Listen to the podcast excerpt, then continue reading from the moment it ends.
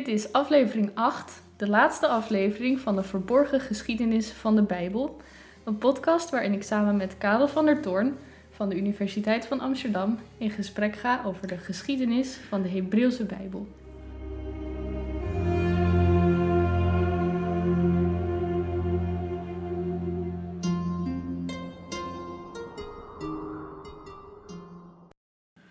Deze laatste keer zou ik graag de balans opmaken en een beetje terugkijken. Want Karel, de laatste keer noemde je Ezra als grondlegger van het Ja. Jodendom.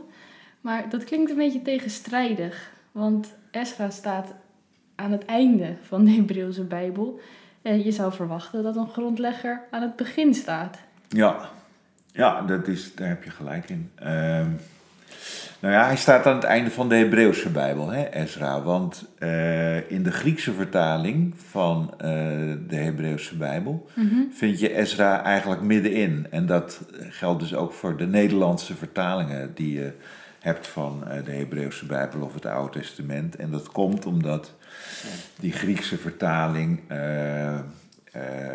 de historische boeken allemaal bij elkaar heeft geplaatst, zodat je eh, Ezra en Kronieken eh, daar eh, onmiddellijk na eh, de koningenboeken vindt. Eh, maar je hebt gelijk, in de Hebreeuwse Bijbel staat Ezra nagenoeg helemaal aan het eind.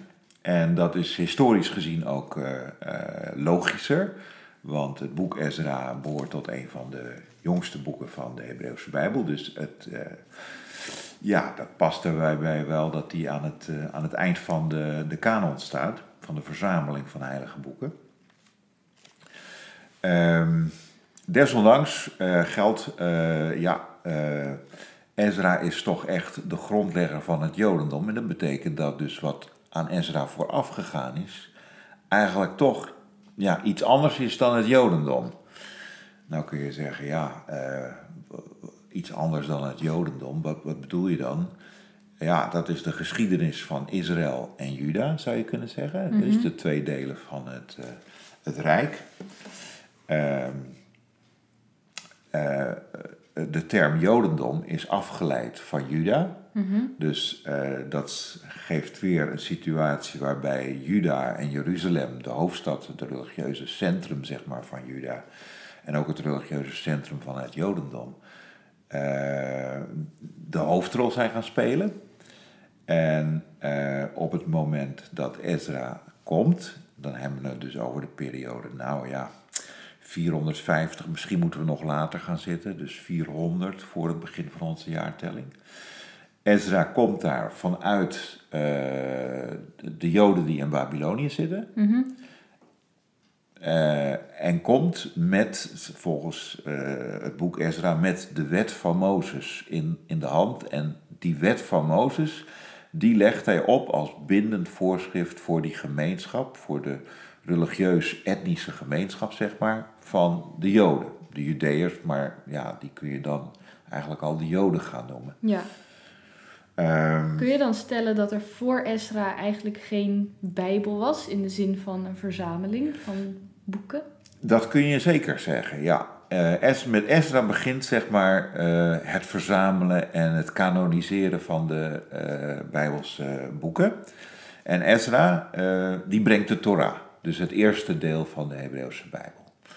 Ehm, dat wil niet zeggen dat Ezra dat allemaal geschreven zou hebben. Ja. Natuurlijk niet, want we weten dat de Torah uit allerlei ehm, literaire lagen bestaat en dat veel van de Torah al nou ja, in 800, in 700 is geschreven.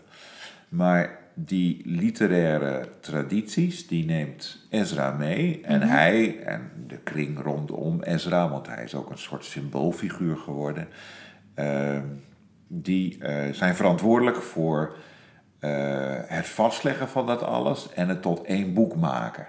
En wat, wat bracht hen er dan toe? Ehm, de Persische overheid. De Persische overheid. Dus dat is wel bijzonder. Ehm, nou ja, dus dan moeten we ietsje voor 400 zitten.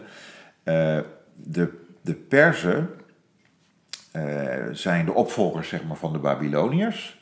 Je hebt een aantal van die wereldrijken gehad eh, in de oudheid. De Assyriërs heb je eerst gehad, vervolgens de Babyloniërs, dan de Perzen. En de Persen hebben een policy gevolgd ten aanzien van de diverse volken in hun rijk. En ze hebben een gigantisch rijk gehad van Indië tot het zuiden van Egypte. Uh, zij hebben de policy gehad dat die volken allemaal volgens hun eigen recht en godsdienst moesten kunnen leven. Alleen voor hen was het wel belangrijk dat ze konden nagaan wat dit recht en die godsdienst dan was. Dus het moest allemaal gecodificeerd worden. Heel praktisch eigenlijk. Heel praktisch. Nou ja, weet je, het is een gigantisch rijk. Ja. En dan heb je twee keuzes. Of je laat iedereen volgens dezelfde wetten leven. Mhm. Maar dat betekent dat je ze toch, eh, ja, dan moeten ze toch wel behoorlijke aanpassingen doen. Of je zegt, nee, ik uh, uh, laat enige diversiteit bestaan in godsdienst en in en wetgeving. En die twee dingen die zaten heel dicht bij elkaar. Hè? Dus wij zijn geneigd om te denken van, godsdienst en wetgeving, dat zijn twee verschillende hoofdstukken en twee verschillende specialismen. Uh, maar dat zat daar heel, veel, heel dicht bij elkaar, want wetgeving dat kwam toch altijd met het gezag van God of de goden. Uh, de persen hebben dus uh, de policy gevolgd van laat we de diverse volken in ons rijk gewoon leven zoals ze dat zelf willen, volgens hun eigen recht en eigen tradities, zolang ze maar loyaal zijn aan de Persische koning. En hun belastingen betalen, et cetera. En wij willen wel kunnen weten, kunnen nagaan wat die tradities dan zijn. Ah, ja. Dus in dat opzicht is Ezra dan de grondlegger van het Jodendom, omdat hij verantwoordelijk is voor de eerste uitgave van, van de Torah. Ja, en dat is dus niet op zijn eigen initiatief gebeurd, maar op initiatief van de Persen. Dus de persen hebben hem gestuurd, dat, zo wordt dat ook verteld, de persen hebben hem gestuurd vanuit Babylonië naar uh, Juda mhm. en naar Jeruzalem. En daar heeft hij in, uh, ja, zeg maar een soort, uh, een soort theocratische staat. Want er was geen koning meer, er waren priesters en er was de wet van, van er was de Torah, de wet van God. Ja. En uh, op het gezag van de persen en met, met, met toestemming et cetera, van de persen heeft eh, Ezra uh, dat daar als bindende uh, wetgeving, religieuze wetgeving voor het volk ingevoerd. En wat veranderde er nog meer door Ezra? Um, ja, er veranderde natuurlijk ja, ja het, het, Jodendom begint echt met Ezra. Dat wil zeggen, er veranderde enorm veel. Want daarvoor had je wel allerlei tradities, maar je krijgt nu uh, die tradities die worden bij elkaar gezet en worden bindend gemaakt voor het gehele volk. Mm En dat betekent dat uh, uh, regels en wetgeving die eerst veel meer lokaal van karakter was, nu voor het hele volk bindend wordt. Dus uh, bijvoorbeeld het houden van uh, de, de Sabbat, hè, de zevende dag een vrije dag, ja. typisch Joods. de besnijdenis van jongetjes. Mm -hmm. Dus dat jongetjes kort na hun geboorte besneden moeten worden als teken van het feit dat ze horen bij het volk van God. de hele wetgeving over rein en onrein, wat je wel mag eten en wat je niet mag eten. Uh, lichaamswassingen, et cetera. Als, nou ja, dus er is een, een, een enorm pakket eigenlijk aan maatregelen en aan, aan, aan Joodse gebruiken. De feesten, denk ook aan de feesten, die worden hier ook. Dus één kalender komt er, één feestkalender, een Joodse kalender, die we dus nu nog steeds kennen. Mm -hmm. uh, is misschien wel ietsje uitgebreid, maar zeg maar. Uh, Pesach, hè, paasfeest en, en andere belangrijke Joodse feesten, die werden toen eigenlijk vastgelegd in de kalender. Uh, en dat betekent dus dat met, uh, met Ezra dat allemaal begonnen is. Uh, nou denk ik nu even vooral aan allerlei praktische dingen, maar je kunt ook zeggen, ja, wat natuurlijk ook heel kenmerkend is voor het Jodendom, is het monotheïsme, ja. de verering van één God. Ja. Uh, dat is ook iets wat ja, eigenlijk met Ezra uh, maatgevend is geworden.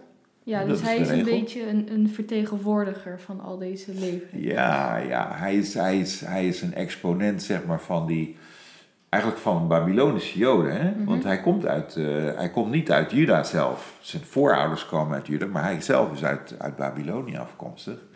Uit de, de Joodse diaspora in, in Babylonië. Ja, ik zeg nu Joodse diaspora, ik bedoel natuurlijk eigenlijk de Judese diaspora, want dat wordt pas later het Jodendom. Daar heeft Ezra zelf uh, een grote bijdrage aan geleverd.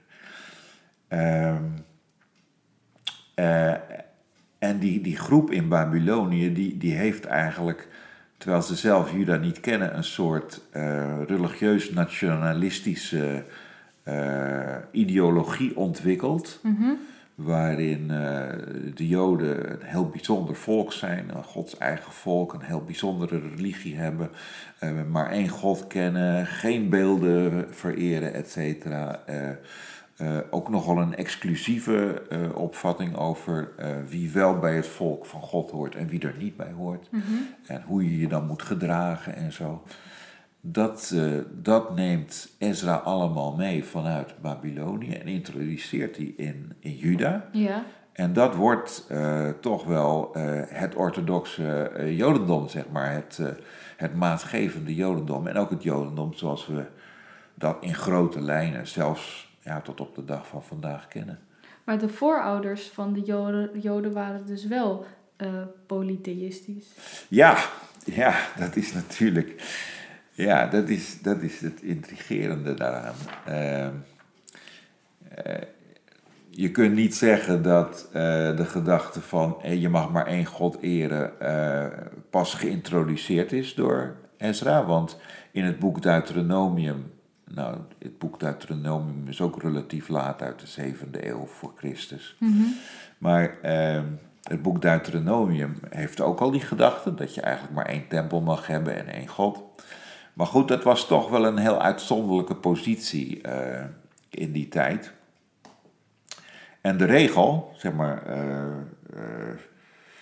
de, de, de, gangbare praktijk in Israël was dat je naast uh, de ene nationale god, zeg maar, mm uh, de Heer of Adonai, de, de, namen verschillen een beetje, maar de God van Israël, dat er ook andere goden werden vereerd. En in het bijzonder, dat is eigenlijk wel intrigerend, een godin. Want de God van Israël mm -hmm. had in ieder geval voor het besef van heel veel van zijn aanhangers en vereerders een vrouwelijke metgezel. Ashera heette die. Dus God had een vrouwelijke partner? Ja, God had een vrouwelijke Hoezo partner. Hoezo hoor je daar niets over in de Hebreeuwse Bijbel? Ja, um, nou je, je, vindt er, als je heel goed leest, wel sporen van terug in de Hebreeuwse Bijbel. Mm -hmm. Maar het is wel een beetje weggepoetst en gecorrigeerd. En uh, dat heeft ermee te maken dat zeg maar, het orthodoxe Jodendom zoals Ezra dat introduceert en zoals dat uh, tijdens zijn leven en uh, na hem ook steeds meer vorm krijgt. In dat orthodoxe Jodendom is helemaal geen plaats voor enige andere godheid dan de Heer alleen. Dus een vrouwelijke godin al, al helemaal niet eigenlijk. Um, wat er dan gebeurd is, is dat uh, bij de verzameling van de onderdelen van de Hebreeuwse Bijbel, dus de Torah, de Nevi'im en de Ketuvim en mm -hmm. alles wat daarbij hoort, uh, dat is zeg maar een product van uh, de schrijverswerkplaats van de tempel in Jeruzalem. Mm -hmm. Uh, die tempelswerkplaats in Jeruzalem, die stond al helemaal onder de invloed van een, nou ja, zeg maar het nieuwe, het moderne Jodendom, zeg maar. En dat heeft ertoe geleid dat er een soort ja, censuur heeft plaatsgevonden. Dus uh, die, niet dat de, alles opnieuw geschreven werd of dat alles helemaal herschreven werd, ja. maar het werd toch wel uh, bijgewerkt. Dus um, Ashera wordt een, een, aantal keren genoemd in de Hebreeuwse Bijbel als uh, partner van uh, de Heer. Ja. Maar uh, dat is, dan is er net iets gebeurd met die naam waardoor je dat net niet herkent. Eén letter is er net weer eventjes veranderd of zo. Mm -hmm. Maar we weten het wel zeker dat uh, dat een koppel was, zeg maar. De Heer, Yahweh, uh, Adonai en, en Ashera. En dat weten we door inscripties. Dus naast de Bijbel hebben we ook nog wat Hebreeuwse inscripties gevonden. In, en archeologen hebben dat gevonden. Ehm, niet zo heel veel, want de, ja, de, de omstandigheden uh, in, in Palestina zijn niet van die aard dat er heel veel bewaard blijft in de grond. Dus uh, als je iets op papieren schrijft, nou, dan raak je dat over het algemeen kwijt, tenzij je dat op een hele droge plek uh, stopt. De dode zeerollen, dat is een voorbeeld. Mm -hmm. Dat is wel bewaard gebleven. Maar alles wat, wat zeg maar, gewoon in de grond gaat of in de grond verdwijnt, dat, dat, dat gaat verloren. Wat je wel vindt zijn uh, scherven, beschreven scherven, die zogenaamde ostraka. En uh, uit de woestijn van, van Juda, dus uh, begin het noordelijke Sinaï-woestijn, zeg maar. daar hebben archeologen een aantal jaren een, een, een handelspost opgegraven. Een vrij, vrij kleine nederzetting. Die aangedaan werd door karavanen die pendelden. Ja, ze pendelden zeg maar vanuit uh, Arabische bevolking naar, naar Israël en brachten specerijen mee en al dat soort dingen. en ze gingen helemaal naar het Noorderrijk. En het grappige is dat je in die plek, daar vind je inscripties. Mm -hmm. inscripties die afkomstig zijn van mensen uit het Noorderrijk, dus dat is wel interessant. En die noemen uh, Yahweh van Samaria. Mm En Samaria, dat was uh, een tijd lang de hoofdstad van het Noorderrijk. En uh, zijn Asherah. En ook wel de Yahweh van het zuiden en zijn Asherah. En die Asherah, dat is, dat is de naam van een godin. Ja. wat, je vindt er ook heel veel van beeldjes van een godin van een, uh, in Israël. Dat is wel bewaard gebleven. En nou staat op die beeldjes nooit de naam, mm -hmm. maar. dus het is gewoon een beeldje. Net zo, ja, Maria-beeldje vind je meestal ook niet afgebeeld dat het nog. Uh, mm -hmm. Komt ook meestal zonder inscriptie. Maar uh, ja, die godin die, die ontving dus verering naast. ja, als, als gezellin van, van God in sommige opzichten geeft archeologie dus een heel ander beeld van het vroege Israël dan je op grond van de Bijbel zou denken. Ja, ja zeker. zeker.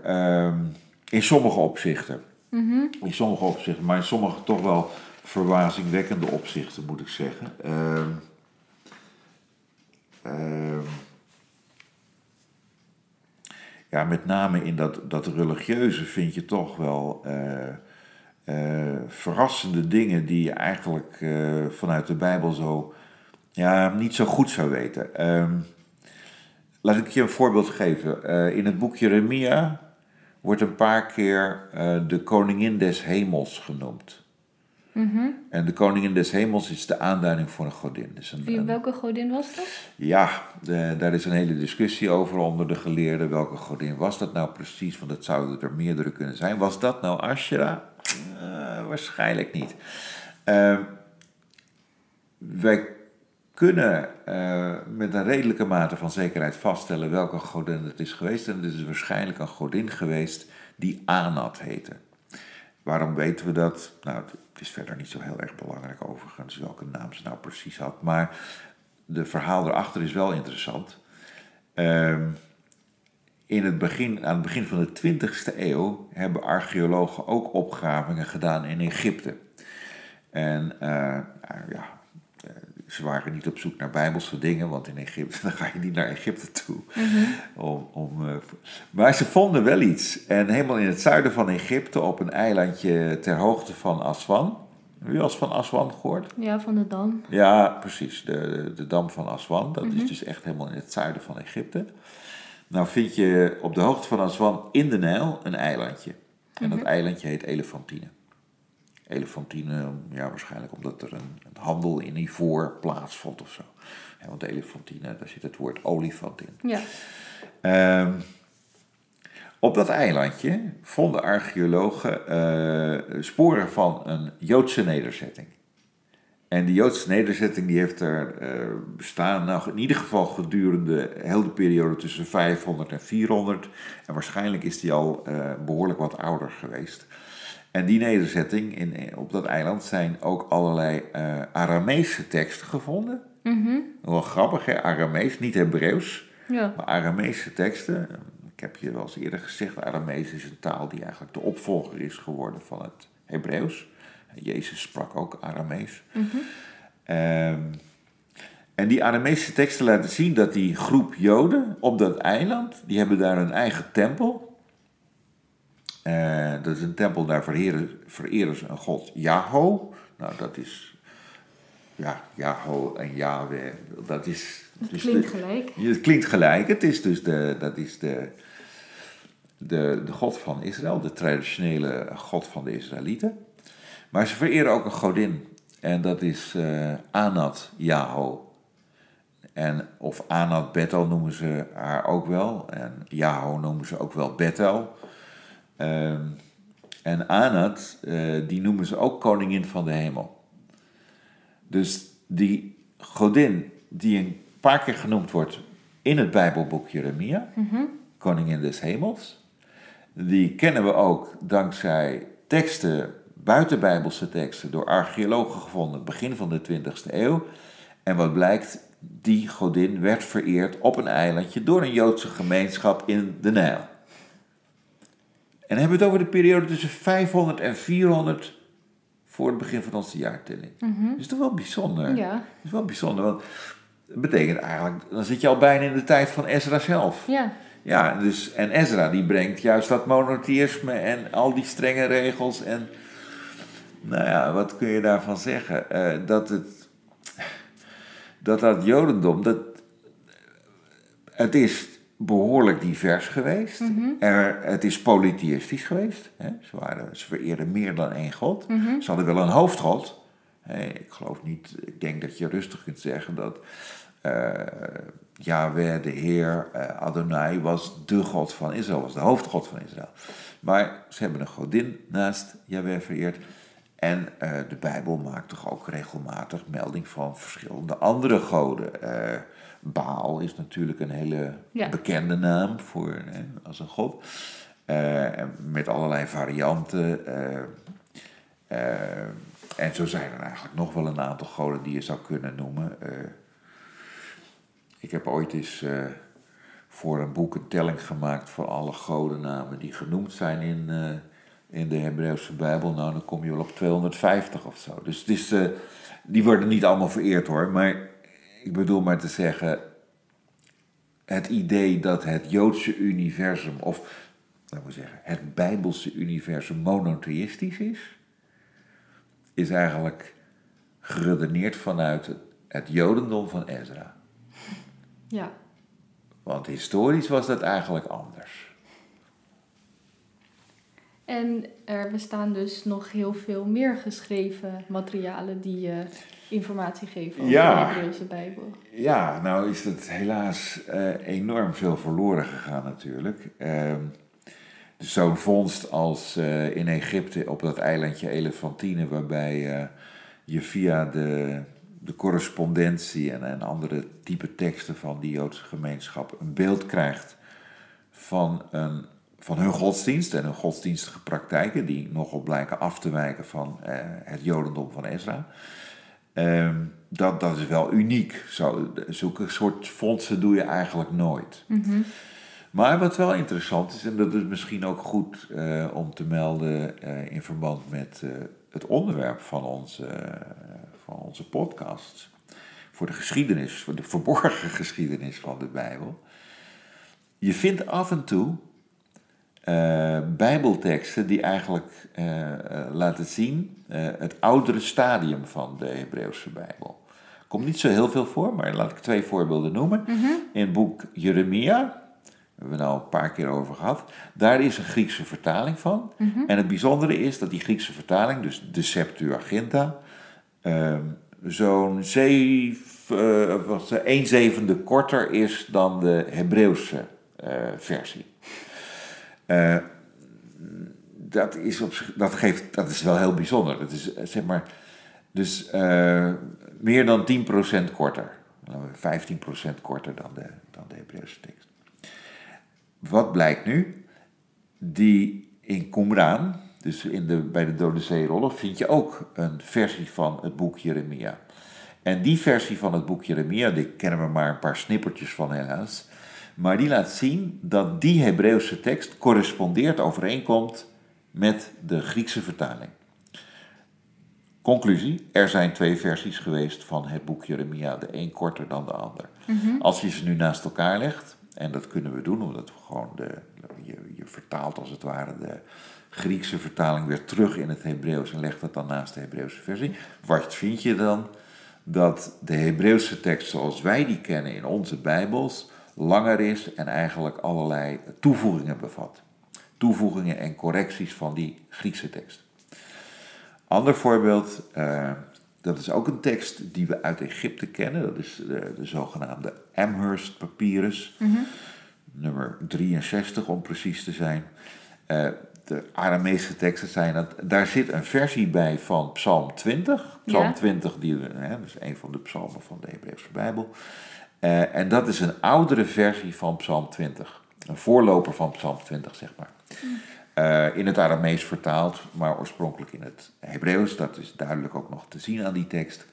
En ehm, dat is een polytheïstische versie van eh, Psalm 20, want er komen meerdere goden in voor. Het gaat over het koningschap van Jaho. Dat is ook de naam die daar gebruikt wordt voor God van Israël. En andere goden die komen dan en eh, spreken hun zegenwensen uit en feliciteren hem met zijn koningschap, zeg maar. Maar zeg maar de hele, ja, laten we zeggen, de, dat is eigenlijk een oudere versie die nog allerlei sporen draagt van een wereldbeeld dat eigenlijk niet meer past bij het latere Jodendom. Nee. Er moet dus ontzettend veel geschreven materiaal verloren zijn gegaan. Er moet heel veel verloren zijn gegaan. En natuurlijk heb je vervolgens ook eh, het feit dat eh, veel van het materiaal tenslotte eh, gekozen is. Hè? Dus er, er zijn dingen verloren gegaan. Er, er heeft ook gewoon een selectie plaatsgevonden. Ja, en, en wat bepaalde dan of een boek wel of niet toegelaten werd? Ehm nou, ten slotte eh, de vermeende ouderdom van het boek. Dat is eigenlijk het criterium. Eh, dus je hebt verschillende dingen gehad. Hè? Dus voordat eh, het boek zijn definitieve vorm bereikt heeft, eh, zijn schrijvers daarmee in de weer geweest. Die schrijvers zijn tenslotte afkomstig van de werkplaats, de schrijverswerkplaats in de Tempel van Jeruzalem. En die worden dus eh, geleid door een ideologie ja, die, laten we zeggen, van het orthodoxe Jodendom. Ehm, dat betekent dat we tenslotte in de eindversie van veel van de Bijbelboeken toch wel een, een wat gecensureerd beeld krijgen. Hoewel, ze zijn wel heel bescheiden over het algemeen met hun ingrepen. Ehm, de samenstellers van het geheel tenslotte hebben zich laten leiden door de gedachte... ehm, als het een oud boek is, dat wil zeggen zo van de tijd voor Ezra tot en met Ezra, want Ezra grondlegger van het Ja, Jodendom, ja. zeg maar. Maar alles wat van voor Ezra is, wat ouder is dan Ezra, of eventueel uit zijn tijd komt, dat moet bewaard worden en moet onderdeel vormen van die bibliotheek, van die Biblia, die we nu de Hebreeuwse Bijbel noemen. Ehm, en daarbij hebben ze gestreefd naar volledigheid. Dus ze hebben niet, eh, het is niet zo dat ze het boek eh, gewoon hebben weggedaan omdat die niet paste in hun wereldbeeld. Als ze het idee hadden dat het echt oud was, dan hebben ze het opgenomen. Maar hoe weet je zeker dat ze niet iets hebben weggedaan? En ja, ik weet het niet zeker. Dat, dat is het an- eerlijke antwoord. Dat weet ik niet helemaal zeker. Maar wat ik wel kan vaststellen is dat eh, sommige boeken die je in eh, de Dode Zee vindt, in Qumran vindt, die vind je niet in de Hebreeuwse Bijbel. En het criterium dat daarbij is gehanteerd is niet of het eh, recht in de leer was of niet, zeg maar of het paste bij eh, eh, de ideeënwereld van de, van de schrijvers, maar of het echt oud was of niet. Een vo- voorbeeld waar we het wel eerder over gehad is, hebben is het boek Daniel. Maar ja, dat is ook niet echt oud. Nee, is niet echt oud, maar heeft zich goed weten te verkopen kennelijk. Want Ja. Daar eh, zijn ze in meegegaan. Hetzelfde geldt ook trouwens voor eh, Esther. Dus, eh, de Esther is ook niet echt oud. Maar het boek Rut, nog zo'n voorbeeld, is ook niet echt oud.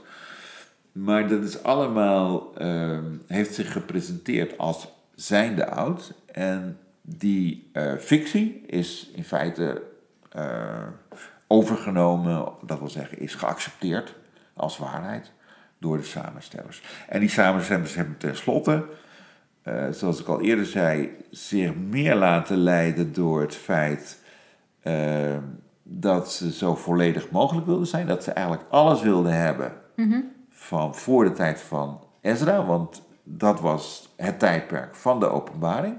En de, gouden, de grote gouden eeuw, zeg maar. En pas na Ezra is het allemaal minder geworden. Eh, en die volledigheid, die wens om volledig te zijn, eh, is dus eh, sterker geweest dan, eh, laten we zeggen, eh, de zuiverheid in de leer. Of dat het allemaal dezelfde visie geeft. Ja. En dat leidt ertoe dat je in de Hebreeuwse Bijbel nogal wat tegenstrijdigheden en spanningen vindt. En dat maakt het, wat mij betreft, tenminste dat is een van de redenen, ook een ongelooflijk interessant boek om te bestuderen. Het klinkt alsof je zo nog uren zou kunnen doorgaan. Volgens mij wel. Maar deze serie is hierbij afgesloten. Eh, dat hoeft natuurlijk niemand te beletten om zelf verder op zoek gegaan, te gaan naar de verborgen geschiedenis van de Bijbel.